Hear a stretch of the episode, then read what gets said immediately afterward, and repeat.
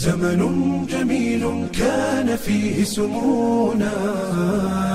كانت به أمجادنا تتوالى كانت عزائم أمتي خفاقة والله أكبر في السماء تتعالى والله أكبر في السماء تتعالى والله أكبر في السماء تتعالى سيظل للتاريخ واسم حافل سيظل فخرا يعتلي الأجيال سنظل خير الناس في كل الورى فلنا العقيدة تبعث الآمال ولنا شرائع ديننا ستقودنا نحو التألق يمنة وشمالا نحو التألق يمنة وشمالا بسم الله الرحمن الرحيم الحمد لله رب العالمين والعاقبة للمتقين ولا عدوان إلا على الظالمين صلى اللهم على محمد وعلى آله وصحبه وسلم أجمعين السلام عليكم ورحمة الله وبركاته kusoo dhowaada daawadayaal waa gebagabadii iyo gunaanadkii barnaamijkii aan ugu magac darnay adariiq ila sadci ama sidaan ku sadcinay ee jamaacada assaadicuuna bilxaqi ay ugu tala gashay inay la wadaagto dadka bishii ramadaan ee barakaysnayd kaasoo lagu wareysanhayay xubno ka tirsan jamaacada assaadicuuna bilxaq oo ka waramayay geedi socodkii dacwadooda laga soo bilaabo kun iyo sagaal boqol lixdan iyo sideedii markii ay dacwada bilaabeen ilaa iyo markii ay sadciyeen laba kun iyo toddobiyo tobankii. Dadkii aan wareysanay ee xalaqaadkaas aan ku wareysanay oo mawaadiic kala duwan ka hadlay waxaan xalaqadan ugu talagalnay inaan intii ugu muhiimsanayd ku soo ururinno si aan maskaxdiina dib ugu soo celinno qodobadii asaasiga ahayd ee laga waramay dadkii aan wareysanay waxay ka warameen in sadcigu uusan ahayn ku soo boodo ee uu ahaa barnaamij qorshaysan laguna tala galay salkana ku haya fahamka islaamka ee saxiixa ah iyo xaqiiqada diintan. Fahamkaasoo ah diintani inay tahay diin mutakaamil ah oo nidaamka nolosha dhammaantiis haraynaysa cibaado hadday noqoto iyo hadday caqiide noqoto iyo hadday shareeco noqotoba waxay noo sheegeen dhallinyaradaasi markii ay arkeen waaqicii ay ku noolaayeen ee islaamkii iyo shareecadiisii laysla tuuray ee nidaamyo jaahiliya la keensaday inay ka daqnadeen oo ay u muuqatay inay lagama maarmaan tahay in dadka xaqa loo sheego lana badbaadiyo loo istaago badbaadadooda. Dabadeed waxaa u muuqatay markay isi soo hordhigeen waaqican iyo in wax laga bedelo in aan dacwadan dad gooni gooni ah iyo qof qof aan waxba looga qaban karin. Laakiin ay u baahan tahay in laysu geeyo maskaxda iyo maanka oo jamaaco wada jirta ay hawsha u qumto taasayna ku go'aansadeen inay jamaaco muslimada ugu horreysay halkaa ku yagleelaan dabadeed jamaacadii markay dhiseen waxay noo sheegeen inay dacwadii gudogaleen ayaga oo meel walba oo dadka lagu gaari karo dacwadii ka fidinhayay si muuqata. Hadday masaajidka ahaan lahayd hadday dugsiyada ahaan lahayd hadday iskuullada ahaan lahayd iyo goobaha shaqada iyo dariiqyadaba iyo maxaafishaba ayagoo markaa rajaynhayay dadku haddii la baraarujiyo oo xaqa dib loo xusuusiyo inay hinqan doonaan dabadeedna diintoodii ay u soo noqon doonaan. Muddo dheer markii ay wadeen dacwadaas oo ay arkeen inaan wax natiijahay soo baxaynin ayay su'aali ku dhalatay. Xaggey iska qaban la-adhay salaadu dabadeedna baaritaan dheer ay u noqdeen waxaa u soo baxday dadku halkay moodahayeen inay ka fog yihiin. Dadka waxa ka lumay ma aha akhlaaqiyaad iyo furuuc maahee asalkiibaa lumay oo dadka waxaa dhibaatadu ka gashaba waa towxiidkii sidaa daraaddeed ayay markaa waxay bilaabeen inay qur'aanka dib u daraaseeyaan oo siiradii nabiga ay dib ugu noqdaan oo axaadiistii ay dib ugu noqdaan si ay bal u soo helaan ciladan iyo wixii xalka u noqon lahaa ilaahay subxaanahu watacaala fadligiisa wuxuu ilaahay ku ilhaamiyey oo ay soo helaan. Markay ummaddu heerkaasoo kale ay gaarto oo ay asalka towxiidka waxgalaan dacwada loo baahan yahay inay tahay dacwadii ambiyada ilaahay subxaanahu wa tacaala ummadaha uu soo diri jiray oo nabigeennana calayhi salaatu wasalaam uu u dambeeyey dacwadaas oo salkeedu ahaa in dadka towxiidka loogu yeero oo dadka rabbigood la baro si ay dadku u hagaagaan ay u toosaan halkaa waxay ka fahmeen inuu jiro manhaj rabbaani ah oo lagama maarmaan ay tahay in la raaco si dadkan badbaadadooda looga shaqeeyo. Manhajkaas oo ah manhaj maraaxil leh marxalad walbaana ay ahdaaf leedahay marxaladba ay marxaladda kale kuu dhiibayso. Dabadeed jamaacadu waxay go'aansatay inay manhajkaa qaadato oo ay beddesho habkii dacwada ay ku waday iyo manhajkii ay ku waday ayagoo markaa bilaabay marxaladda ugu horeysa ee manhajkaasu leeyahay ee ah marxala siriya iyadoo looga dayanhayo nabiga calayhi salaatu wasalaam dacwadii alla uu u xil saaray ee uu fuliyey inuu ka bilaabay inay dacwadiisu sir ahayd. Taasayna jamaacadu waxay go'aansatay inay howlaheedii dhammaa iyo xarakada howshay wadoo dhan dhammaanteed siriye laga dhigo oo laga duuduubo muuqashada ay muuqanayso. Waxaa kaloo u soo baxday si waxaa weeye manhajkaas loo xaqiijiyo dadka dacwada u istaagahaya inay lagama maarmaan tahay in la tarbiyeeyo oo ayagu marka ugu horeysaba ay tarbiyada diintan qaataan si ay noloshooda u waafajiyaan. Waxyaalaha ay noo sheegeen waxaa ka mid ahaa jamaacada oo hawshaas qabanaysay in dadka qaarkood isdhihi karaan maxaa jamaaco looga baahan yahay? Laakiin waxay caddeeyeen jamaacadu marka la eego xagga sunnada bini aadanka waxqabadkiisana inay lagama maarmaan tahay iyadoo ummadaha dhan ay caalamka isku waafaqsan yihiin haddii la rabo in wax la qabto wax ku ool ah oo wax bedela in loo baahan yahay dad wada jira ee aan qof qof waxba loo qaban karin. Waxay kaloo noo tilmaameen in jamaacadu ay lagama maarmaan u tahay ummaddan xaqa qaadanaysa iyo kuwan dacwada wada laftoodu inay helaan meel ay kaga gabaadsadaan dhaqanka iyo mujtamaca jaahiliga ku dhex jirkiisa oo ay si aamin ah ay diintoodii ugu noolaadaan. Ayagoo markaa waxaa weeye isku dayahaya inay noloshooda ku qaabeeyaan. Markaas dabadeed ayay halkaa waxay ka bilaabeen marka inay tarbiyadii loo baahnaa inay gudogalaan. Waxaa laga yaabaa dadka qaarkood inay ku soo dhacdo oo ay inooga jawaabeen maxaad uga baahateen haddii aad dacwo gudanaysaan? Maxaad uga baahateen ummaddii muslimku way joogtaaye? Inaad adinku isgooni yeeshaan ood gaar noqotaan. Taa waxay kaga jawaabeen in jamaacadanba waxa ay u dhisan tahay u istaagtaba ay tahay. Maqnaanta ay maqan tahay ummaddii muslimka ahayd. Ayagoo tilmaamay ummadda muslimka ah inay laba sifo leedahay. Dadku inay marka horena towxiid isugu yimideen isu imaatinkoodana in lagu maamulo oo lagu kala hago shareecada ilaahay subxaanahu wa tacaala. Sifadaas marka la eegana dowladdii khilaafa alcuhmaaniya ee la riday kun iyo sagaal boqol iyo afar iyo labaatankii dabadeed caalamkan way ka suushay ummaddaasi jamaacadaniba waxay u taagan tahay baa ah raadinta ummaddaas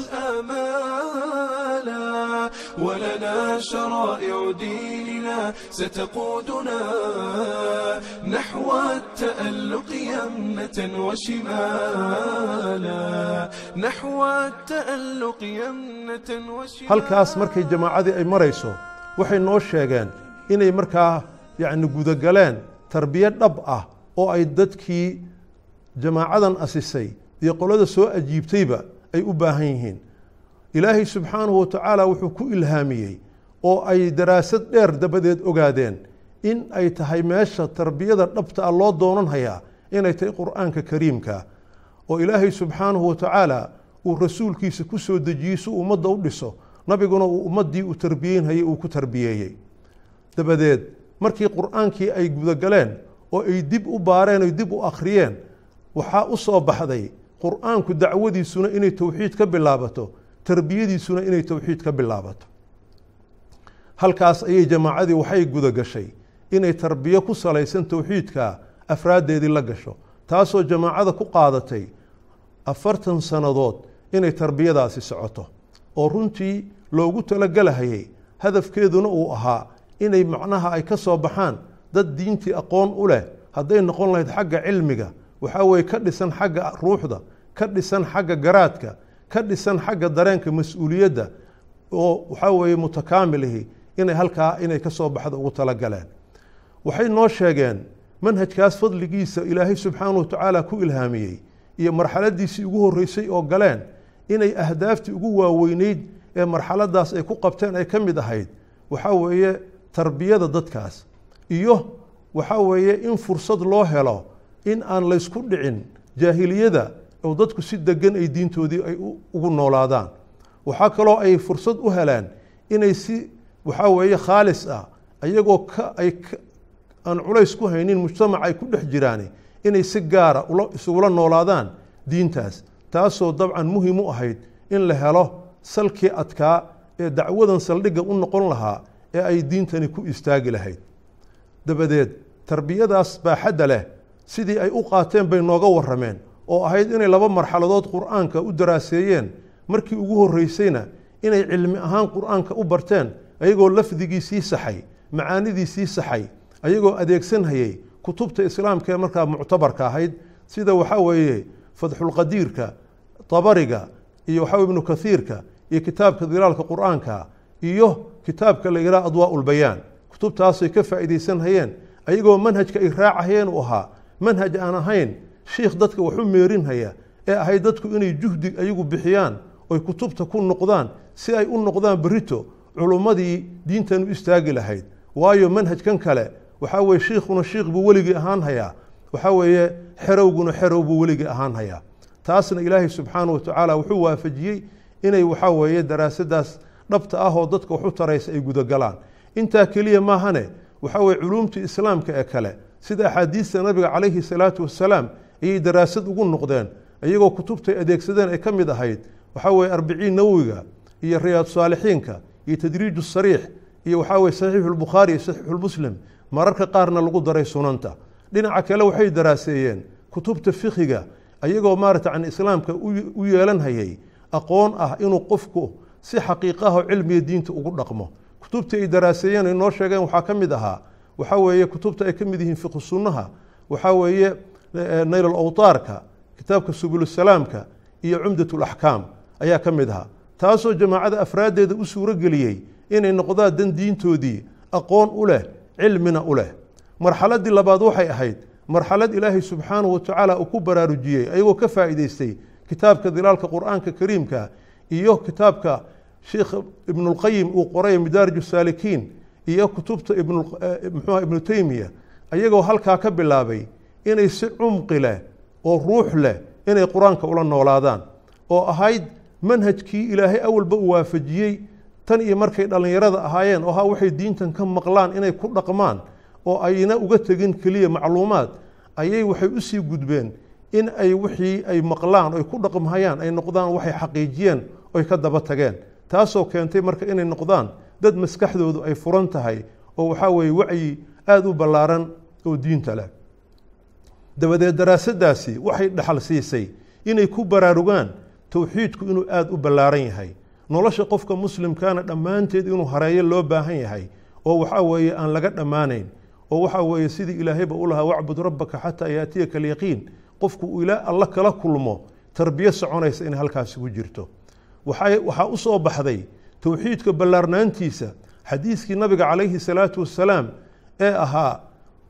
aliimaanu bidcun wa subcuuna aw bidcun wa situuna shucba aclaaha laa ilaaha ila allah wa adnaaha imaadat aladaa can اطariiq xadiiskaasoo tilmaamahaya waxaa weeye baaxadda towxiidku uu leeyahay oo ah shaqadaa ugu yar ee waddo wax laga leexiye ah ilaa iyo towxiidkii kelimatu towxiidkii in muxuu ahaa uu isku xiran yahay. Sidaa daraaddeed ayay jamaacadu waxaa u suuro gashay afartankaa sannadood inay si cumqi leh oo aada iyo aada u fog inay tarbiyada afraaddooda ugu istaagaan.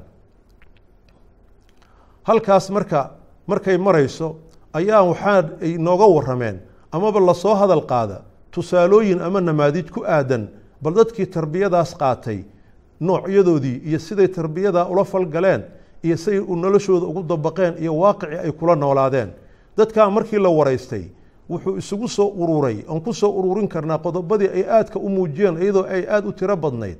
in ay ka dhaxleen tarbiyadaa walaaltinimo aada iyo aada u baaxad weyn. Oo markii loo eego mujtamaca maanta aan ku noolnahay soomaaliya sida qabyaaladda iyo tafaraaruqa ay ugu nool yihiin inay noqdaan dadkaasi ayagoo qabaa'il kala duwan ka yimid dad walaalo ah oo sidii nabiga calayhi salaatu wasalaam uu ku tilmaamay mathalu lmu'miniina fii tawaaduhim wa taraaxumihim wa tacaatufihim ka mathali ljasadi alwaaxid oo ah hal jir inay isku noqdaan siday isu dareemahayaan iyo sida ay isu jecel yihiin waxay noo sheegeen inay ka dhaxleen tarbiyada inay ku cisoobeen iimaankii oo waxaa weeye qofka muslimka ah cizigii ilaahay ugu talagalay oo qur'aankiisa ilaahay uu ku sheegay walilaahi alcizatu walirasuulihi walilmu'miniin inuu qofku dareemo oo uusan ka baqin cidaan alla ahayn oo uusan rajaynin cidaan alla ahayn oo waxaa weeye dawaaqiidda uusan uga gabanin xaqaa gudashadiisii ku noolaashadiisa. Waxay noo sheegeen inay ka dhaxleen tadxiyo iyo waxisuhurid taasoo waaqiceedii ugu weynaa ay noo sheegeen inay kaga muuqatay. Markii baaba iyo burburku ummadda ku dhacay dagaalkii sokeeye halkaasoo jamaacadu ay ka soo barabaxday iyadoo bad qabta walaaltinimada iyo tadxiyada darteed. Marka arrimo badan oo noocaasa ay ka mid ahayd xataa dareenka mas'uuliyadda inuu qofka muslimka ahi uu yahay qof qiimi leh oo ilaahay agtiisa qiimi ku leh oo adduunkan dowr ku leh oo mas'uul ka ah adduunkan waxa ka dhacahaya baynamaa shalay diintan markaan la haynin dad gidaarada iska fadhiyo iska sheekaysta la ahaa. Waxyaalihii ay tarbiyada ka dhaxleen ayay ka mid ahayd. Waxyaalihii ay noo sheegeen waxaa ka mid ahaa runtii oo tusaalaha aadka iyo aadka cajiibka u ahaayo waxaa weye sida gaarkaa loo tilmaamay. Si ay u muujiyaan macnaha tarbiyada ay xarakadani afraaddeeda siisay iyo mirihii ka dhashay iyo ku noolaashada islaamka iyo sawirka dhabta ee dacwada ay xarakadu dadka ugu yeerayso inay soo qaadeen markii dagaalkii sokeeye uu dhacay ee la kala haaday ee aan laba meel isku sheegta la waayey oo cid walbo istiqaanay isnacday oo dulmi oo dhani uu dhaco laysdilay oo waxaa weeye laysdhacay oo ummaddu ay kala irdhowday inay walaaltinimo ku noolaayeen inay walaaltinimo aan caadi ahayn ku noolaayeen ayagoo ka soo jeeda qabaalkaa isdilahaya waxay noo sheegeen inay xarakadu qorshe aan caadi ahayn u dejisay iyadoo ka faa'iidaysanaysa wacyiga ay u lahayd duruufaha jira iyo waxaa weye dhibaatooyinkani siday noqon karaan inay qorshe aada iyo aada muxkam ah u dejisay siday u samata bixin lahayd afraaddeeda taasoo ay sameeyeen guddiyo ama kooxo isugu jira dadka markii dhib kuba dhacay kala rariddii meelahay aaminka ku noqon lahaayeen hantida badbaadadeedii sahaysiintii iyo kawarhayntii iyo waxaa weeye dib u rariddii iyo hadba la jaanqaadidda dagaalka waxaa weeye maarata yani isbedbedelkiisii faraha badnaa ee dhacahaya taasna fadliga ilaahay iyo juhdigii ay bixiyeen iyo ku noolaashada diintan iyo dhaqanka dhabtaahay diintani leedahay iyo macaaniday ka dhaxleen inay ka soo samata baxeen dhibaatadii la wada garanhayo aafada ay reebtay. Ilaa maanta ummadda soomaalidu ay la dhutinayso تبعث الآمال ولنا شرائع ديننا ستقودنا نحو التألق يمنة وشمالا نحو التألق يمنة dabadeed waxay ka warrameen markii tarbiyadaasi ay gaartay qimadeedii oo ay isiriheen waxaa weeye way way bislaato waxaa weeye way miro dhasha ayagoo markaa ku dayanhaya manhajkii nabiga calayhi salaatu wasalaam ee ahaa manhajkan inuusan hal meel taagnaanayn ee maraaxil kala duwan uu leeyahay ayaa waxaa u soo baxday in la gaaray xilligii dacwadan bannaanka loo soo bixin lahaa oo siriyada laga saari lahaa oo jahriyada loo saari lahaa. Ayagoo u cuskaday markay daraasad sameeyeen in tarbiyadii jamaacada afraaddeedii inay waxaa weeye maarata yani bisayl gaartay. Waxay kaloo fiiriyeen waaqica maanta adduunka lagu nool yahay iyo sida jaahiliyadu u kibirtay iyo siday isu mahdisay oo ay u qaadatay islaamkii inay ka adkaatay soo noqoshona uusan lahayn. Taasoo dadkii intay ku sirmeen ay ku indha sarcaadeen ay isdhiibeen oo jaahiliyada dhaqankeedii iyo dabeecadaheedii iyo nidaamyadeedii u noqday waxa keliya ee lagu faano ee ay dadku ay rajaynhayaan waxay kaloo fiiriyeen oo meesha uga soo baxday dadkii xarakaadka ahaa ee isku dayey inay diintan u istaagaan oo waxaa weeye dariiq xiran ku tegey oo dacwadii ay shalay qaadeen iyo ahdaaftay u qaadeen ka leexday oo qaarkood ay la gaartay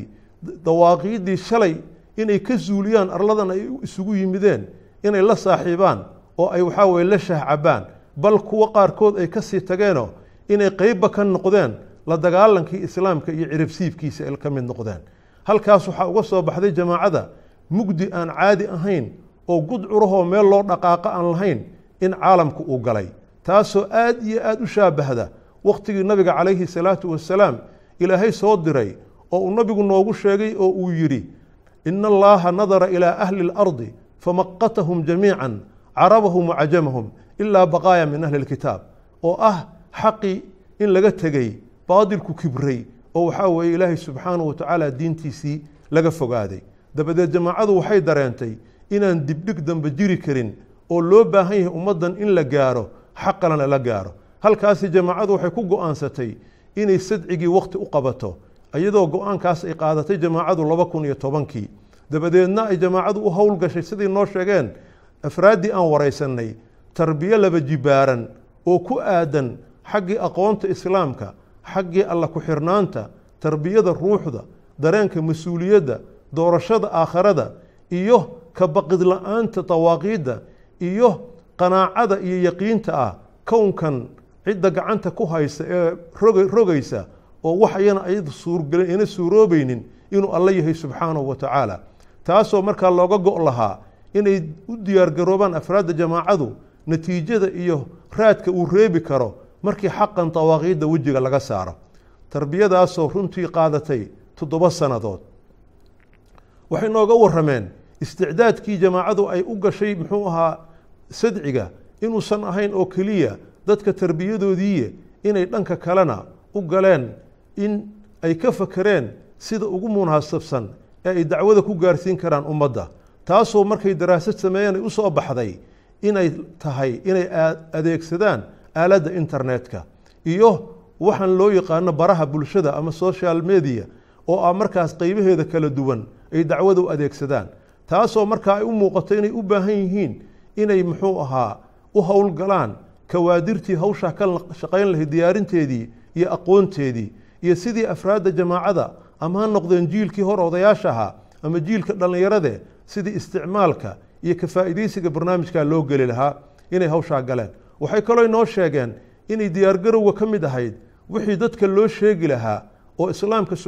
islaamka caddayntiisa ahayd iyo culuumtiisii iyo mustalaxaadkiisii iyo macaanidiisii la duugay. Soo bannaan dhigiddeedii oo halkaa laga diyaariyey duruus aad iyo aad u tiro badan oo ay ka mid ahaayeen macnaha alislaam ashirk aljaahiliya iyo addiin iyo kuwo kaloo badan oo kulligood ah mustalaxaad ay dadkan laga qariyey ama la soo ciriiriyey taasoo keentay dadku inuu islaamku noqdo magacuyaal ee uusan noqonin islaamkii xaqiiqiga ahaa. Dabadeed waxay ka warameen caqabaadkii ka hor yimid diyaargarowgaa intii ay wadeen oo wakhtiga sadciguna uu soo dhowaan hayay caqabaadkii ay dareemeen taasooy ku soo ururiyeen inay ugu weyneyd cabsidii ay ka qabeen iyo walwalkii ay ku haysay wakhtigay qabsadeen ee ay wax caddayn lahaayeen iyadoon la gaarin inay xarakadu ka kashifanto oo jaahiliyadu ay ogaato. Taasoo ilaahay subxaanahu wa tacaala fadligiisa aan dhicin ee wakhtigii ay ugu talagaleen ay xaqii sidiisii u caddeeyeen. Waxaa kaloo inoo sheegeen inay ka mid ahayd sida dabeecada bini aadamkuba ay tahay in uu jiray dadka mararka qaarkood khawaatir iyo ku soo dhacaysa inuu qofku lafihiisii u boqo ama inuu u boqo hantidiisii ama inuu u boqo ilmihiisii iyo xaasaskiisii taasoo xarakadu ay kaga kaga qaalib noqotay. Tarbiyadaa ay ugu talagelaysay afraaddeeda oo alla ku-xiridda ah iyo xaqaa'iqda kownkan la noolaashadiisa ah. Dabadeed waxay nooga warameen waxay kadib ka warameen markii muxuu ahaa caqabaadkaa ay ka soo gudbeen wakhtiguna uu sii dhowaan hayay. Waxay ka warameen xaaladda markay soo dhowaatay ee ay timid xaalatu sifir macaanidii ay ku noolaayeen iyo dadku wixii ay dareemahayeen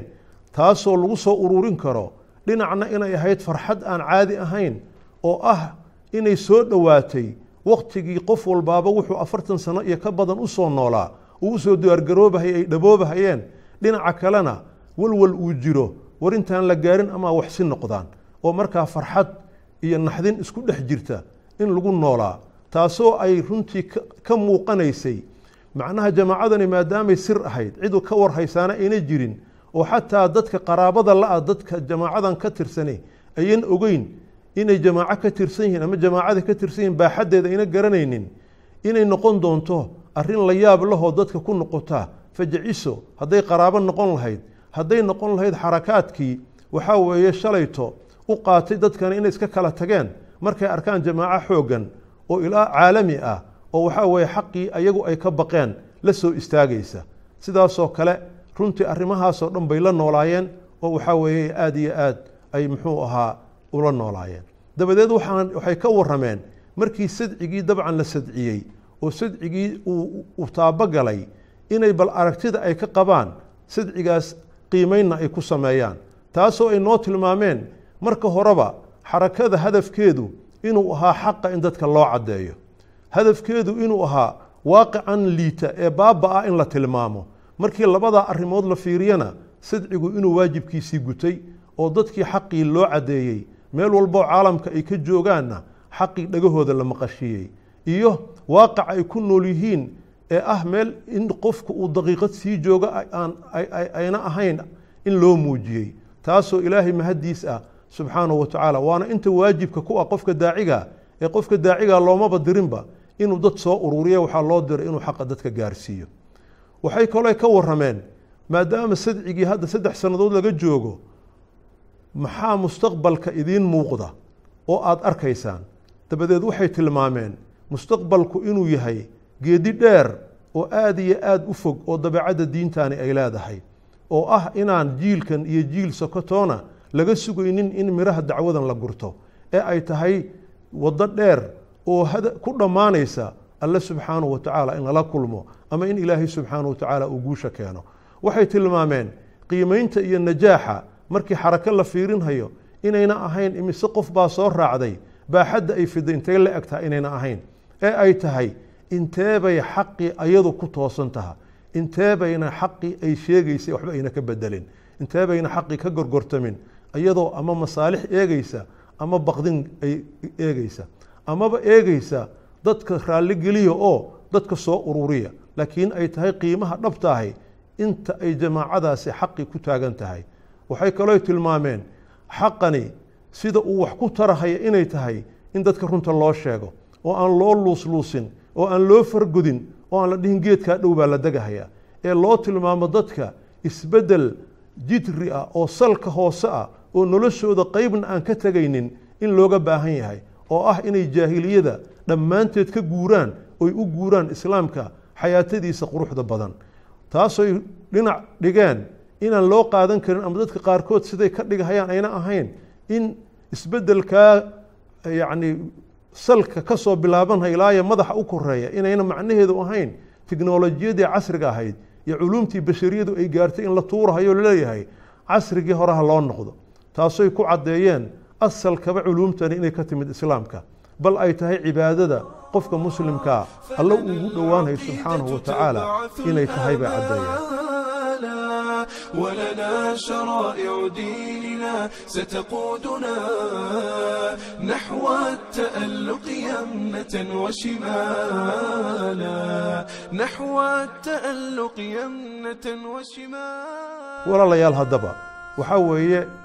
jamaacatu assaadicuuna bilxaqi waxay dadka ugu yeeraysaa waa cibaadada ilaahay subxaanahu wa tacaala keligii cibaadadaasoo ah cibaado shaamil ah oo dhammaystiran oo hadday noqon lahayd xagga caqiidada hadday noqon lahayd xagga cibaadadii shacaa'irta iyo hadday noqon lahayd xagga shareecada. Waxay dadka ugu yeeraysaa inay ku noolaadaan adduunyada karaamadii. Ilaahay subxaanahu wa tacaala bini aadankan uu karaameeyey oo ilaahay yidhi walaqad karamnaa bani aadama waxamalnaahum fi lbari walbaxri warazaqnaahum min alطayibaati wafadalnaahum calaa kaiiri miman khalaqnaa tafdiilan. Oo ah qof alle keliya ku xiran alle keliya rajaynhaya alle keliya ka baqahaya cid kale oo uu ka baqahayaana ayna jirin. Aakharana waxaa weeye jannadii ilaahay subxaanahu wa tacaala uu u ballan qaaday mu'miniinta jannatun carduha asamaawaatu waalardu ay muxuu ahaa dadku ay alle subxaanahu wa tacaala kala kulmaan. Waana middaa midda aan dadka ugu yeerayno. Waana sababta barnaamijkan aan u samaynay inaan la wadaagno ummadda geedi socodkii dacwadan bilowgeedii ilaa iyo maanta meesha ay marayso si ay xog ogaal ugu noqdaan jamaacadan tallaabo kasta oy qaaday iyo howl kastay qabatay. Daawadayaal inta aan barnaamijkan oo kalea ku kulmi doonno waxaan idin leenahay assalaamu calaykum waraxmat ullaahi wabarakaatu